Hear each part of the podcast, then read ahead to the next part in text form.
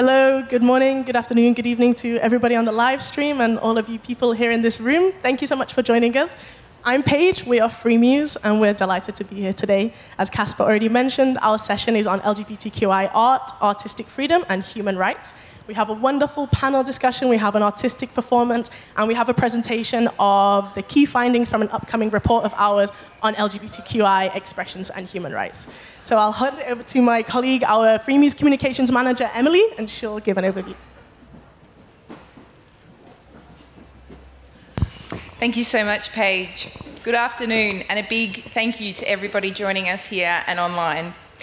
My name is Emily Dalterio, and I'm the Communications Manager at Freemuse. Welcome to the session LGBTI Art, Expression, and Human Rights. I'm going to talk a little bit about what we do at Freemuse, explain the link between human rights and artistic freedom, and talk about the situation for LGBTI artists and art. In the latter, the situation has been measured through the documentation of violations of artistic freedom which explicitly target LGBTI people or LGBTI themed art and expression. This research has been collated into the flagship report, The Risk of Visibility LGBTI Artistry and Art, and today you will get the first look at these research findings. Um, sorry. Uh, sorry. Sorry, guys, hang on one moment. Thank you. I'm going to talk about these protections, sorry, and what Freemuse's role is in defending these rights, some tools that we use, and how these all intersect with the LGBTI community and art. So, for some context, in 2019, Freemuse recorded 711 violations or breaches to the right of freedom of artistic expression. So, what is freedom of artistic expression and what constitutes a breach of this right?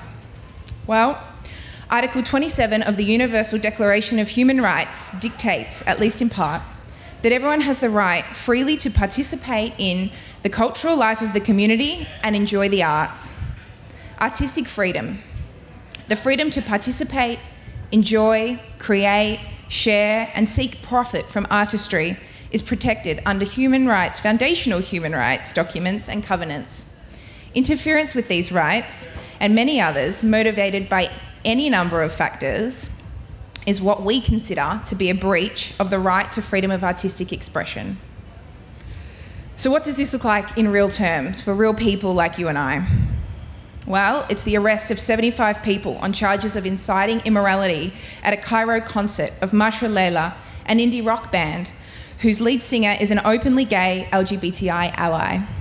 They were arrested for waving a rainbow flag.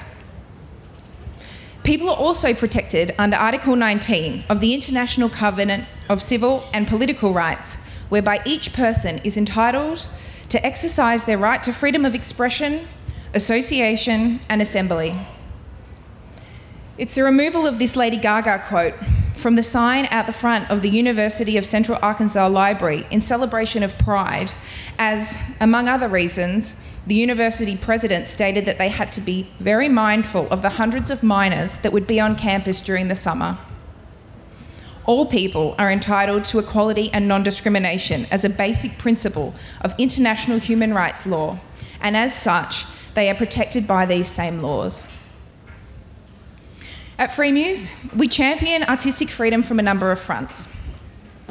From a research front, we document violations of artistic freedom throughout the year, monitoring the media and building relationships with organisations across the world to source, document, and verify these violations. This research is then leveraged uh, towards evidence based advocacy for the better protection of the right to freedom of artistic expression. We work with artists, art and cultural organisations, activists in the global south and north, to campaign for and support individual artists with a specific focus on those targeted for their gender, race, or sexual orientation. Whilst doing this, sorry, we do this whilst initiating, supporting, and growing locally owned networks. This year, we have focused our efforts into a number of areas, one of them being educating people on their rights And with that, I want to ask you a question Do you know your artistic rights? When we posed this question to a room full of people in relation to their rights online recently, the response was an alarming and resounding no. Many people still do not know that the removal of their art online, one of the only public spaces most of us have access to during this pandemic, may constitute a breach of their right to freedom of expression.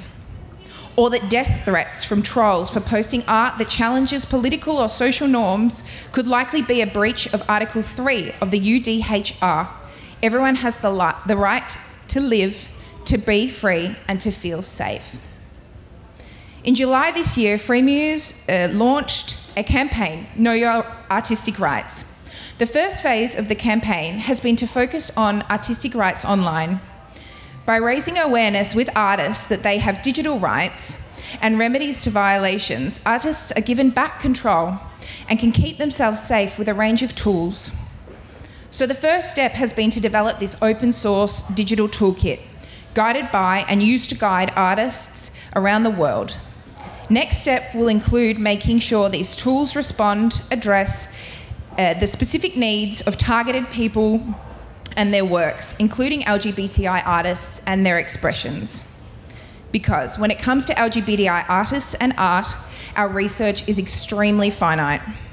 Artists are alarmingly discriminated against because of their actual or perceived sexual orientation and gender identity.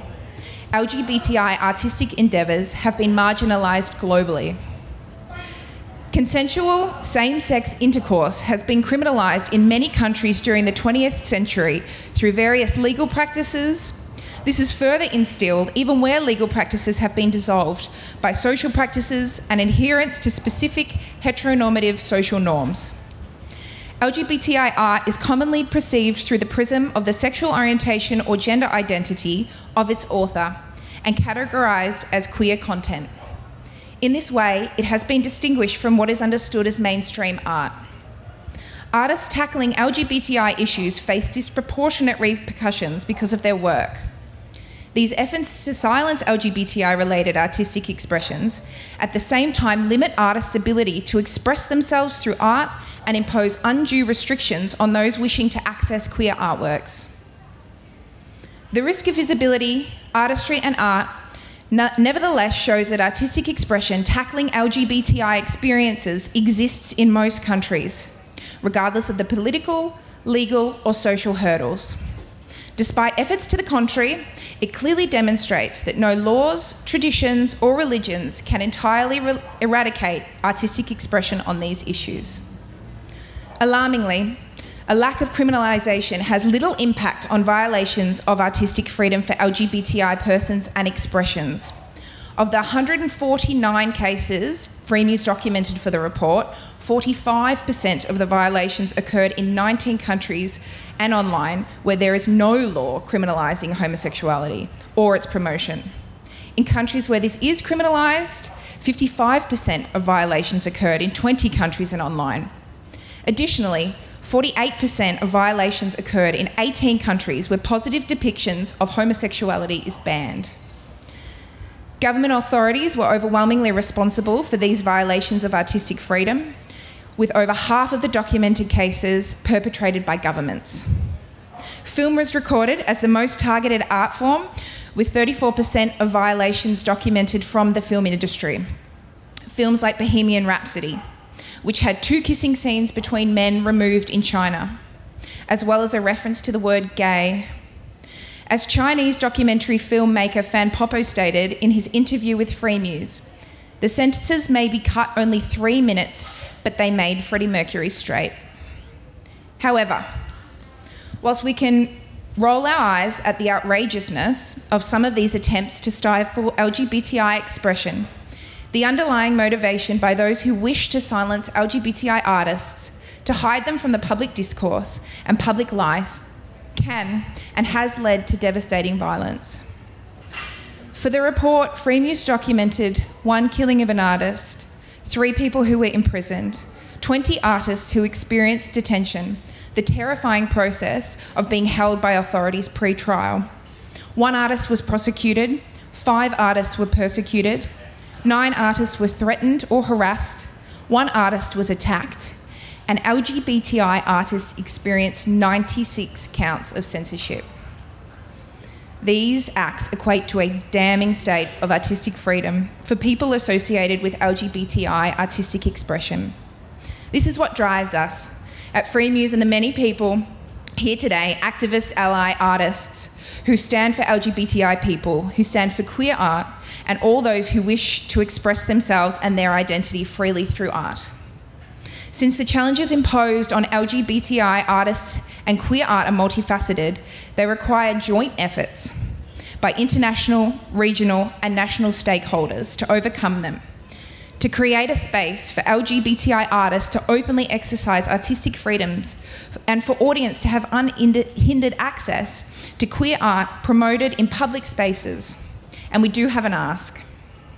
Together with the community, with a network of LGBTI organisations, allies, and artists, we urge governments to repeal criminalised homosexuality and laws banning positive, banning positive depictions of this, refrain from censoring LGBTI artistic expression in public space, protect audiences attending LGBTI cultural activities, make state funded cultural institutions safe places for LGBTI artists, and to invest in cultural projects tackling these issues. If you want to become a part of the community, join us at freemuse.org forward slash join dash us. Thank you for your time and thank you for your support. If you have any questions, please post them on Twitter using the hashtag know artistic rights. I'd like to welcome to the front Avtomat. Uh, please join me in welcoming him to reclaim some space for LGBTI artistic expression. Hello. So nice to be here. um, so I'm just going to present to you um, two of my um, tracks that were written uh, explicitly because of what's happening in Poland in terms of the LGBTI community. Um, they're not very happy. I know it's Pride and everybody wants to party, but um, well, I'm gonna ruin your moment for a second here.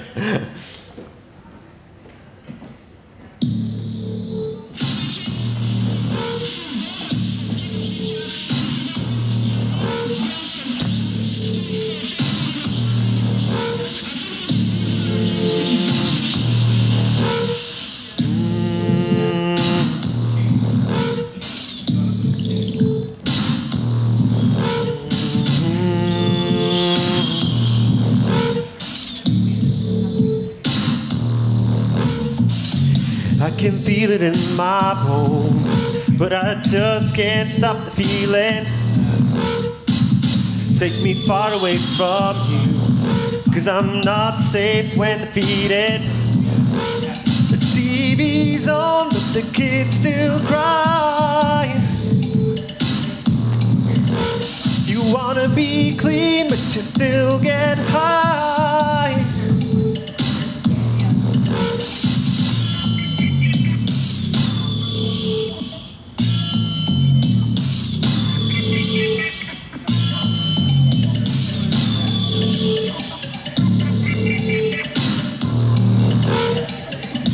Can taste you in my mouth, but I just can't spit the flavor.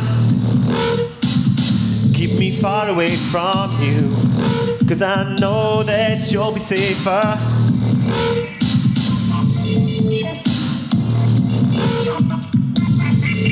Cause I know that you'll be safer. Cause I know that you'll be safer.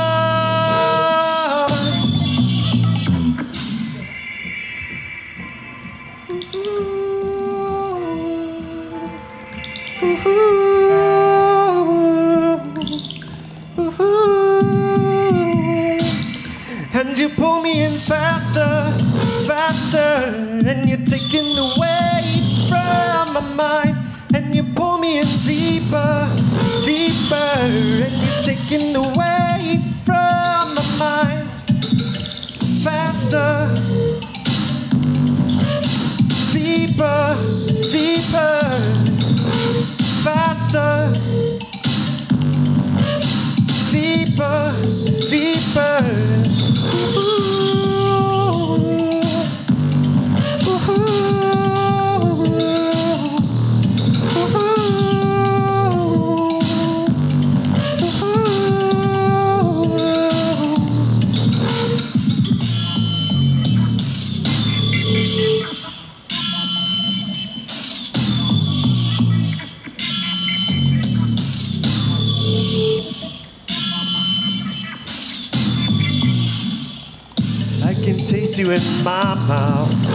But I just can't split the flavor.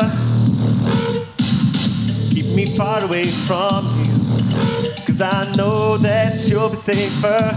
And you pull me in faster, faster, and you're taking the weight from my mind. And you pull me in deeper, deeper,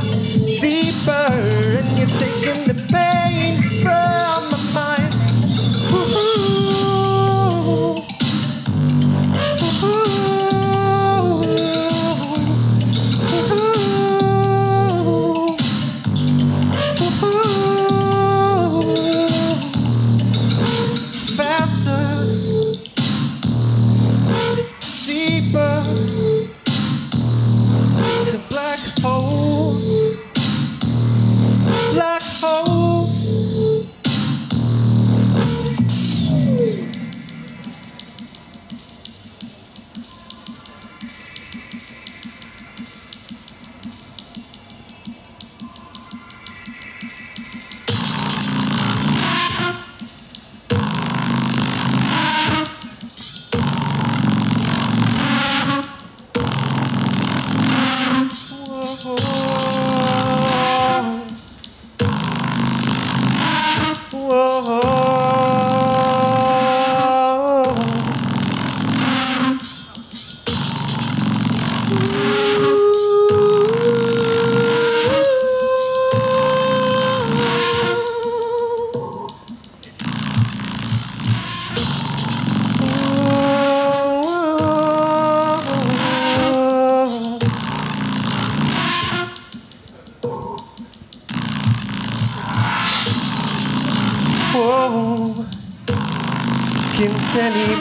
see?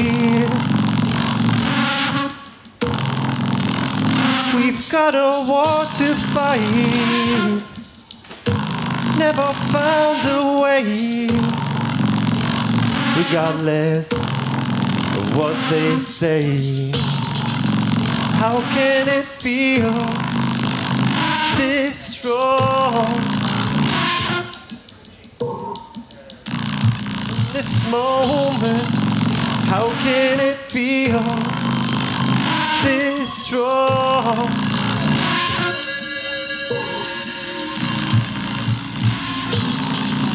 Storm in the morning light. I feel no more. Can I say? frozen to myself. I've got nobody on my side to show me it's not right. I've got nobody on my side to show me it's not right.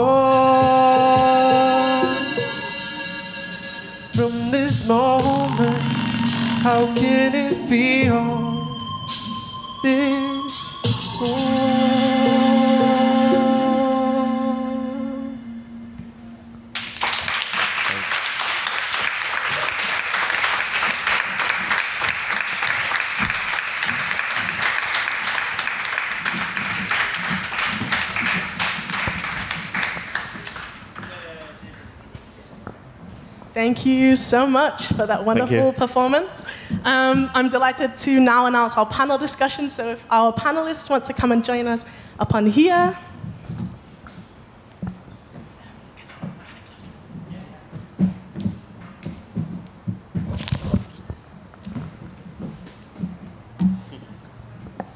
Okay, do we all have microphones and comfortable seats? We're uh, a little high with the tables here, so we have some seats in the background for us.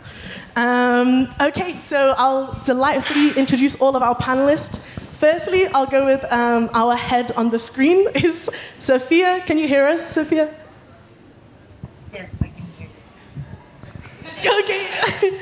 um, can you try talking so we can? Uh, ooh, so you're not hearing me. I can hear you. Good, we can hear you perfectly. Thank you so much. So, Sophia, she's based in the US right now. She's a lawyer, a digital rights fellow, and she's a legal assistant for the UN Special Rapporteur on Freedom of Expression and Association. Um, here we have, um, I'll just go down the panel one by one. So we have Monica, who's flown in from Poland today. Um, she's a feminist, a rebel. She's a leader of the, um, a huge ally in the LGBTQI community. Maybe you want to just say a few words for yourself, or About myself? yeah, you can just give uh, one Um, word on. I didn't on expect such question. You can just give like you don't have to if you don't. So I, I'm a motorcyclist That's enough. That's and, and a human being and um, and a loving person, and that's that's all. Perfect. Thank you so much. Next is uh, who we just had a wonderful DJ set from. Um, he's a musician, a curator, a producer. He works with a, a number of different associations and collectives also in Poland. Um, maybe Hi, so nice to be here. Uh, yeah, I'm all the things that you've said, and uh, uh, I try to create safer spaces for queer communities in Poland. Perfect. Thank you so much. And on the end, we have an MEP. We have Karen, Karen Melchior. Um, she's based in Denmark and works um, in the European Parliament. And Thank you very much for having me here and thank you for having this debate. I am in the European Parliament now. I used to be a Danish diplomat and I had the pleasure of spending three months in Warsaw uh, five years ago. So, pre- the previous election. And one of the things that I'm looking forward to seeing back in Warsaw is a reinstatement of fundamental rights. And also, there's a beautiful rainbow that used to be on a square in Warsaw that has been taken away for so-called security reasons. Looking forward to seeing that back on the streets and coming to Warsaw Pride. Wonderful. Thank you so much, Karen. Um, so, in this panel discussion, we'll be asking each of the panelists a question, kind of tailoring to their expertise. And then, hopefully, if we have some time at the end, we'll be able to have more of a dynamic interaction between them. This is a safe space, so if anybody feels uncomfortable at any point, please let a member of our team know, the Copenhagen Pride team or somebody from Freemuse, and we'll try our best to, to navigate that situation. Um, we are a little tight on time, as all panel discussions ever are, so um, we'll try and be succinct and clear, but um, if there's any issues or questions that you have, please send them to Know Artistic Rights on Twitter, and if we don't have time to engage in them, we'll, we'll engage with you in a follow-up capacity. So the first question I would like to ask is Sophia on, on Zoom. Can we, can we, can we get her back, up? Perfect. Thank you so much. So, um, Sophia, you work, as I mentioned, with the United Nations Special Rapporteur on Freedom of Expression and has recently released a report on artistic freedom. So, this looks at artistic freedom and the state of the situation around the globe. Um, in some sections, you've mentioned the state for LGBTQI artists and how religion and insulting religious feelings and hurting religious sentiments is often used as a guise that states um, silence and censor artists. Why do you think this is? Why do you, how have you seen this proliferation? And what kind of tools and skills do we need to, to kind of combat this in the future? Hi, everyone. First, thank you, Paige and Freemuse for inviting me to this panel. I hope you can hear me right. Perfectly um, so yes, perfect. Um, so yes, uh, the Artistic Freedom Research Report uh, was drafted uh, as the last batch of reports from David Kaye as Special Rapporteur. He finished his mandate two weeks ago. Now I continue to work with him at the University of California in Irvine, and there's a new rapporteur, she's Irene Khan, she's fantastic. So this report, we produced it, uh, we drafted it just to provide artists and advocates with basically a vocabulary on human rights law to frame the restrictions and to frame all the challenges that artists around the world are, facing. And we hope they can use it, use some of this language, well, just to, to challenge those restrictions. It's also kind of that it's a reminder to governments and to private actors because we saw a lot of the restrictions are fa- uh, come also from private companies. Um, just about their contours of their obligations and responsibility of the law. Uh, what we explored, we explored the relationship between artistic expression and freedom of expression. Sophia, can I Um, introduce? Can I interrupt you for two seconds? Can you um, speak uh, closer to the microphone so we can hear you a little clearer, please? Oh, maybe I, if I hold it like this, you can. Is it better? Yeah, I think so. Thank you. Okay, yeah, I'm from Colombia, I'm Latina, I move a lot, so sorry about that. Um, so, yeah, we try to explore the relation of artistic expression with freedom of expression, all its scope, all its restrictions. Um, uh, yeah, within within this right, within freedom of expression, but we emphasize that it exists within a broader, like a, a broader framework of interconnected rights, like you mentioned before, uh, including the rights of pri- privacy, freedom of thought, conscience, religion, just to to name a few. We just specified and we emphasize that the spectrum of artistic expression is very wide and very dynamic, and like ever exchange, uh, ever expanding and, and changing. Um, so part of our analysis, um, we we discovered, or not discovered, we just emphasized a lot of the a lot of the restrictions that you mentioned before when you were presenting your report, um, and especially because we relied heavily on, on your on your investigation, and we found that just governments narrow the boundaries of artistic expression to just restrictive legislation, ambiguous policies, vague regulations in general. And that creates a lot of like the climate a, a climate of fear a climate of um, that results in self-censorship. And i'm just mentioning this because it is part of the framework that we use and we hope it, it's just it, it is useful for the advocate for different advocates. Um, and what we said is that just once the individual has shown that there's a restriction of expression, the burden falls on the state to demonstrate that it complies with international human rights law. Um, there's specific. I, I'm, I'm not going to go through all the requirements when there when someone wants to restrict freedom of expression, but the state has to prove that. And going back to specifically what you asked, um, based on what we found, artistic expression is frequently prohibited by states when the art is deemed insulting to religions. Yeah.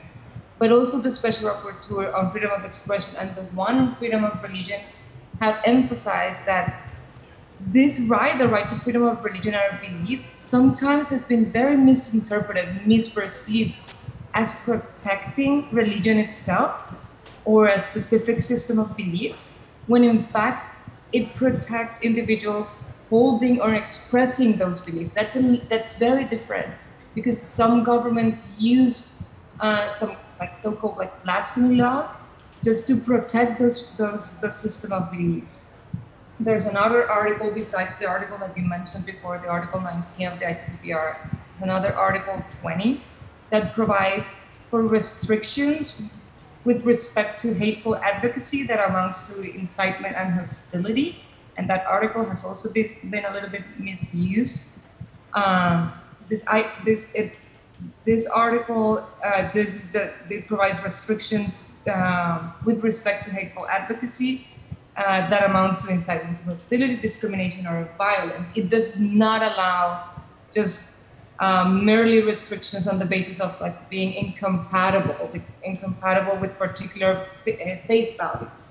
Nor it also allows any restrictions that amount to blasphemy as such. So this is what we found. We found that it, like some of the regulation used by states, it's just being since it's um, framed vague, broad, like it's being abused just because it doesn't it doesn't allow people to just to to model their their actions accordingly. It's so big that they can use it and abuse it uh, as they want, whether it's government officials or or just like law enforcement in general. And I know we don't have a lot of time, but we also found a lot of different discriminatory treatment um, in, in the application of the law. We try to frame this as like using a general principle of, of law that's just like uh, freedom of opinion and expression, and basically all the rights must be respect, respected without distinction of any kind. This is a very broad, very um, it, it, permeates all the legal systems and all the international human rights law. And we saw that members of some groups, and especially members of the LGBTQ community, often face particular discrimination when it comes to just in the implementations and restrictions on, of, of expression. And this, this type of art, any type of art that has well, queer content, it's been restricted just because it exists, not not alleging any particularly challenge to state authority or any public outcry. I'm, I'm just mentioning this because this is just some of the other findings that we that we try to express in, in our report. Hopefully, uh, you can use the report to just to frame the challenges and to frame the restrictions. I don't know if I have more time, but thank you. Thank you so much, Sophia. That was wonderful to kind of get the, the political and legal aspect from, from that level. I'd like to bring Katian in on this. So, as Sophia was mentioning, the use of blasphemy and the misuse of religious rationales has been it's proliferating across the globe. And in one country where that's specifically endemic is in Poland. So it'd be great to hear from you on how your have you had experiences with this censorship based on religious rationales, and what's the situation for LGBTQI artists and creatives in Poland?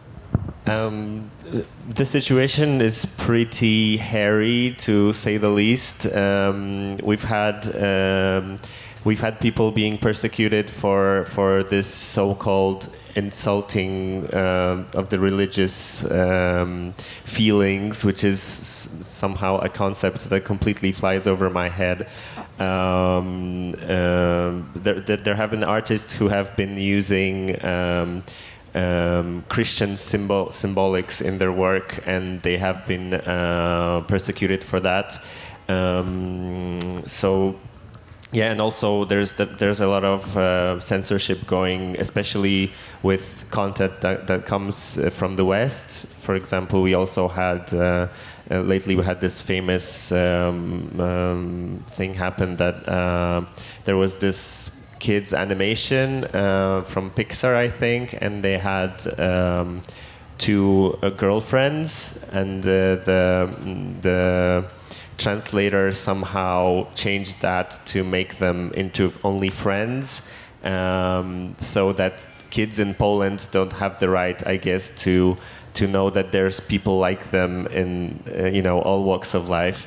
Uh, and the thing is, this wasn't even govern governmentally sanctioned. In it, it was. Uh, just made out of fear that uh, oh this is you know this is going too far showing kids two girls who love each other you know um, so but I guess we have been we have been pretty um, uh, used to working underground and working in uh, places that are less visible, um, creating safer spaces for ourselves um, without the help of the government, without the funding. Um, so everything that's going on right now is pretty DIY, and people just do it uh, in their free time and pay out of pocket. And um, so, yeah, uh, I mean, paradoxically, it has strengthened our community because it's it's made us um,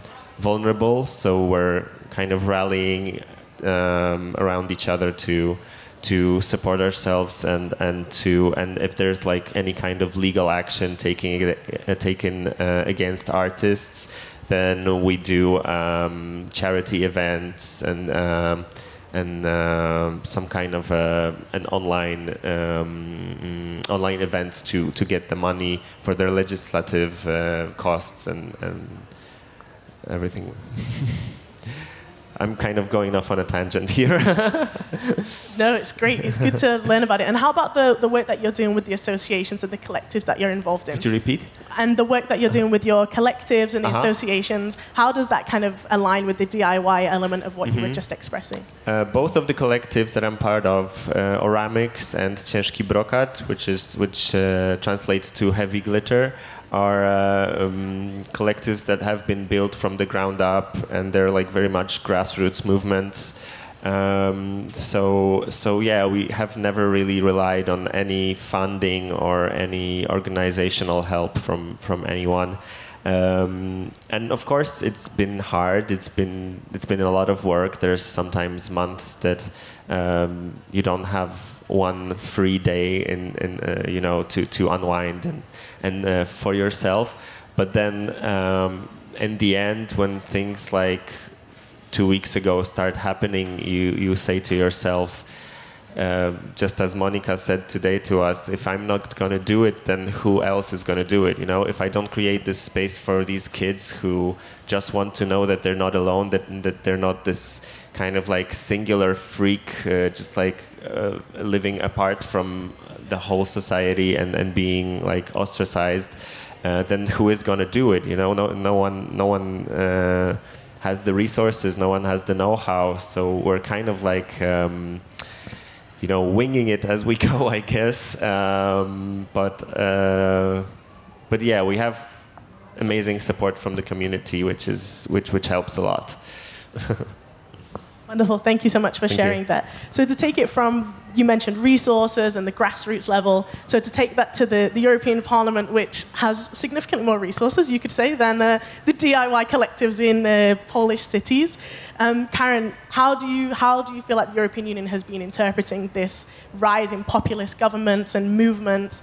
Silencing artistic expression in LGBTQI communities um, on the grounds of religion, on the grounds of nudi- uh, nudism, and uh, all of these different relationships with sexual content. How has that kind of entered the policy vernacular at the European Union, and how do you think maybe that can be improved going forward? Well, it's as as you mentioned during your performance, uh, we're at we have a water fight uh, because if we don't dig in and defend the rights that we have now, then there is going to be a push to try and remove those rights. And I think one of the one of the really important things that we can do from the European community and from the European Parliament is to let people know in places like Poland, activists and artists, that you do have somebody by your side and that we are fighting this fight together with you and you're not alone, even though you have a government that is trying to push back and push you underground. For me, it's it's a fight that's not only in the countries that have legislation banning artistic expression with queer content, but it's also in places such as in Denmark. Uh, for the first time this year, the national parliament is going to fly the pride flag on Saturday when the parade was going to be there. And the right wing part, the main right wing party, said that this is terrible. This is a political expression that we should only fly the national flag from our national parliament. And it's sort of like you go there is a scale of things where you you first say well you can't be you you can't be you with your identity and your sexuality. And then you say well you can be you but you you shouldn't flaunt it. You shouldn't show it. You shouldn't brag about it because your identity is dangerous either for the public or for children but if you can't be visible if you can't show the full you is that actually um, you want me to close the laptop? Yes. If you can't be visible, if you can't be you as you are, then do you actually have the right to be you? And I don't think you do, because we need to be able to go to work, we need to be able to show our art, no matter if there is LGBTI content in it or if the artist is an LGBTI person. And I think this is sort of the, the front line of the war that we're at at the moment. And I think it's important that we at the European Parliament keep a focus on this and that we raise it in dialogue with countries around the world as well as countries uh, within the European Union. There was a case of um, six cities in Poland that had applied to be twinned with other European cities that were told by the European, uh, the European Commission that you can't get EU funding if you don't respect fundamental rights in your city. These cities had made these this hateful initiative of having so-called LGBTI free zones, which basically tells people that you're not welcome in this city uh, because of who you are, and that this is, of course, a breach of fundamental rights um, and has to have consequences. So we need to say, well, we will not be supporting cities, regions, countries that don't respect fundamental rights. And when we're looking at the European budget, we need to say, okay, we have these principles and we need to let the money follow the principles on this. But it's, it's not just a political legislative fight, it's also uh, a fight of values. And for me, it's really important that we maintain that the European Union is not just a community of a market, but it's also a community of values. And respecting each individual and their rights uh, is fundamental to these values. Wonderful. Thank you so much for that. Just to bring you in, Monica, on this fight for values and a kind of incorporation of queer content, which um, Karen, Kaitan, and Sophia have all mentioned.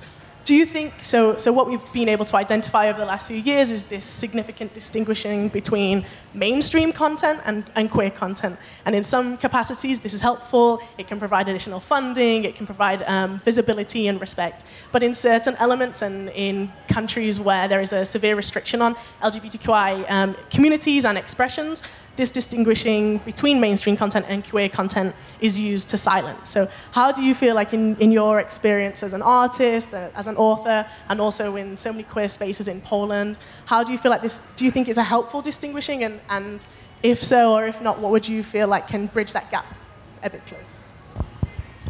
Well, um, queer, queer culture, queer art in Poland, first of all, is very small and narrow part of the culture.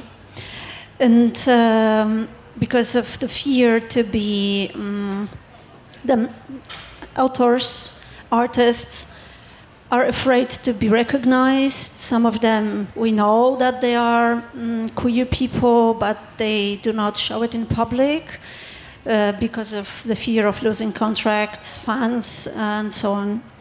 Uh, so adding to the censorship we've been mentioning before, we also have self-censorship. And uh, those authors and artists who are courageous enough to be themselves in this artistic um, space are not many.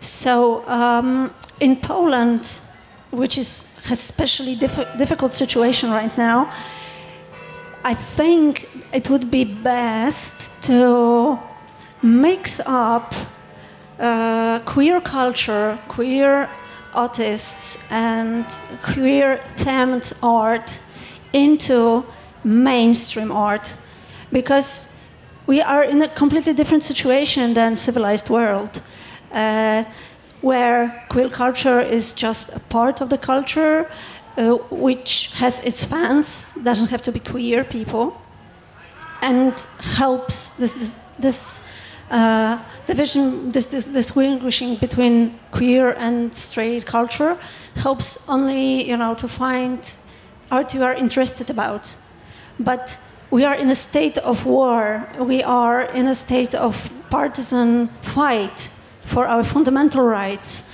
So a lot of this is uh, a, lot, a lot of what queer people are creating is a part of this fight.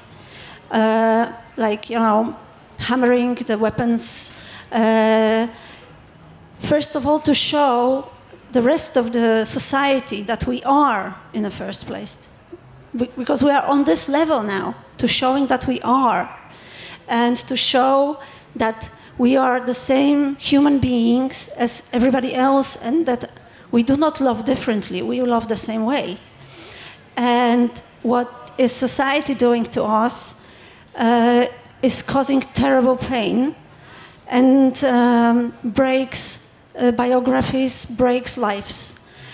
Um, so that's why um, I think in Poland, sorry for being, you know, so focused on my own ba- uh, backyard, um, but I'm deep in a trench of this war right now. Um, is that uh, here uh, that in Poland we try to verify very hard. We are trying to get to the mainstream media even because mostly queer art, maybe except of some uh, books. Um, it's only uh, perceived by queer people, like we are standing in, inside of our own uh, circle. And uh, now we need to go out uh, to the public space, to the common space. Mm, we are trying to do this, of course. Uh, last month we had uh, very interesting, even in Szczecin, when we um, created uh, our society in Szczecin, we created a mural uh, showing the um, quotations of love letters between two men. One of them, most of most, one of them, Jarosław Iwaszkiewicz, most prominent, one of most prominent authors of 20th century in Poland, and uh, it was shown in a form of. Uh, mm, internet chat between those two people, uh, this uh, author and his lover. And this uh, painting on the wall in the center of Szczecin survived only two days, and it was vandalized in the night. But of course, we expected that it can happen. Uh, but uh, what was most important? Uh, this Mm, painting was not operating with the symbols like rainbow and uh, other stuff. It, it needed to be written carefully to understand that it is about the love of two men. And uh, that's the way we wanted to express that queer people existed and still exist, and we are contributing to the common culture because it doesn't define us um, on some level, yes, because that's a question of identity. What, what is most important of my identity? And the conclusion was that we are humans, and this is all of us as humans, and this is the thing.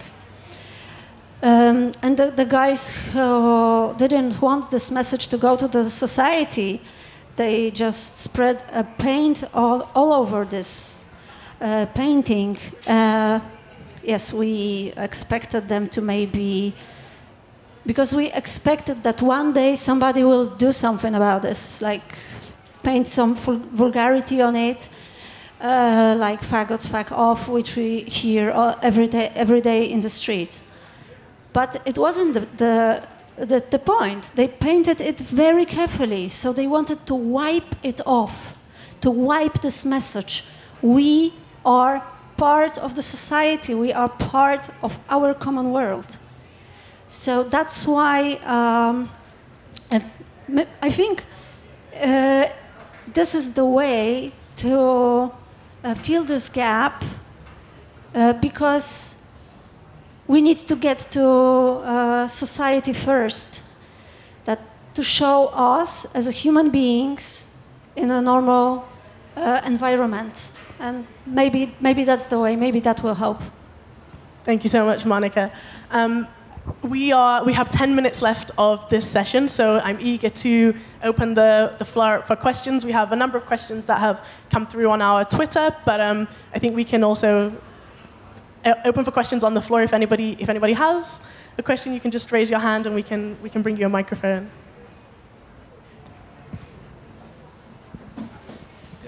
Uh, yes, my question would be to Karen. Uh, what do you think? What instrument has the LGBTI uh, intergroup uh, in order to tackle the problems, for example, in Poland and the human rights violations? Uh, the LGBTI intergroup is a cross party, cross political group in the European Parliament that works on ensuring fundamental rights for all in Europe. Uh, what it serves as for me is a way of connecting with other parliamentarians that are fighting the same fight and that are allies. And I think it's really important for highlighting when there are either good developments or bad developments so that we can react in unison. Um, this is a way of, of unifying forces within the European Parliament so that we can act together. I think we are. Uh, French parliamentarian Pierre Karleskind is writing a letter uh, protesting the arrest of 148 uh, act- LGBTI activists in Poland. We, they also organize visits to the European Parliament uh, by activists and highlight um, highlight what's going on and also arranges conferences and seminars. I think it's a really useful tool for sort of using it as a megaphone for us in the European Parliament to highlight these uh, these questions. Thank you, Karen. Maybe we can also ask Sophia a similar question if, if she can uh, put her on, on this. Sophia, um, can uh, ask the same question to you, but in the UN capacity. So, what instruments do you think are important in the UN um, environment, and which mechanisms do you think are helpful to protect and defend LGBTQI um, expressions and artistic freedom? I, I think I've heard half of what mentioned, but um, well, there are different instruments. Like where I work, it's the Special Procedure Branch of the UN, and there's a special rapporteur on SOGI, on sexual orientation and gender identity.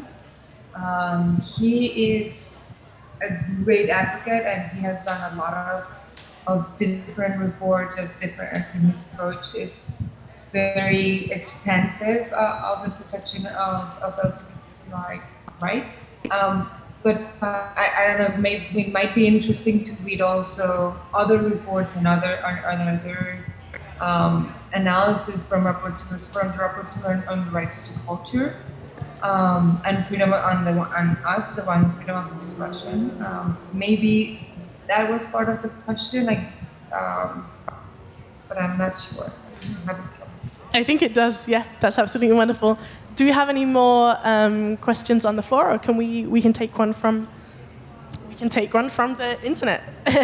so perhaps to Katya and Monica about your detentions or any arrests that you the two of you been involved in. How has that impacted self censorship? So both of you mentioned in different capacities self censorship. How have the how's the discrimination and the censorship and silencing contributed to any self censorship um, that might have happened? Um, to be honest, it really made me want to scream even louder. um, it, I, I, think it's um, it's it's a really bad decision on the part of, of the policemen to to just start arresting people like willy nilly. Uh, you know, there there were like seriously there were like kids arrested who are just like standing next to the monument of Nicholas Copernicus who are just who are just like taking taking selfies with the monument and they were arrested because they were in the vicinity of a rainbow flag, you know, which is like completely preposterous, but it's it's how bad things have gotten in Poland. Um, I think I think it's it's gonna make people more, more galvanized to to fight for rights, um, but also the, the, the arrests have been, I think, very um, carefully calculated because it kind of results in this like freezing effect. It tells you we're gonna arrest you if you're anywhere near a rainbow flag or anywhere near a rainbow protest, you know. Uh, so don't go on, don't, don't go to the streets, don't protest stop your you know your yelling and everything like that uh, so um, if I was like 20 and got arrested next to a rainbow monument I would think like ten times before I went to a, you know, to an LGBT rally or even to a pride.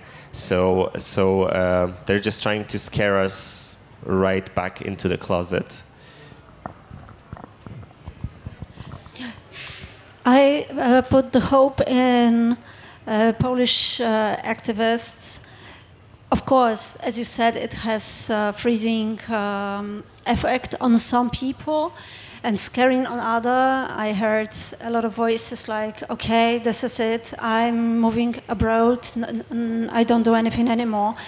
But I hope that will, there will be much more others who, in this situation, get motivated to fight uh, we Polish people are really good in, uh, you know, um, in fighting for freedom. Uh, history shows that this is maybe the only talent we have. Uh, we are not good builders, but we are good fighters. so um, it, it, was also my story because I became activist, uh, um, LGBTI activist only after uh, this populist party came to power. So I hope uh, we'll just hold the ground and we will be still standing. Me personally, if if they want to come, they know where I live, and uh, they can do it. Either the police or just the Nazis, and uh, I'm not afraid of them because you know, they can beat me, they can arrest me, they can put me into the trial. Um, I survived all these things, and uh, nothing breaks like a heart, and none of them will break my heart. So I'm not afraid of them. I think Karen wants to. Yeah, no, I have a, a short question to Katja and uh, Monica. What, I mean, the, I have certain tools such as the LGBTI intergroup what, can, what do you want us to do from the European Parliament to support you in Poland?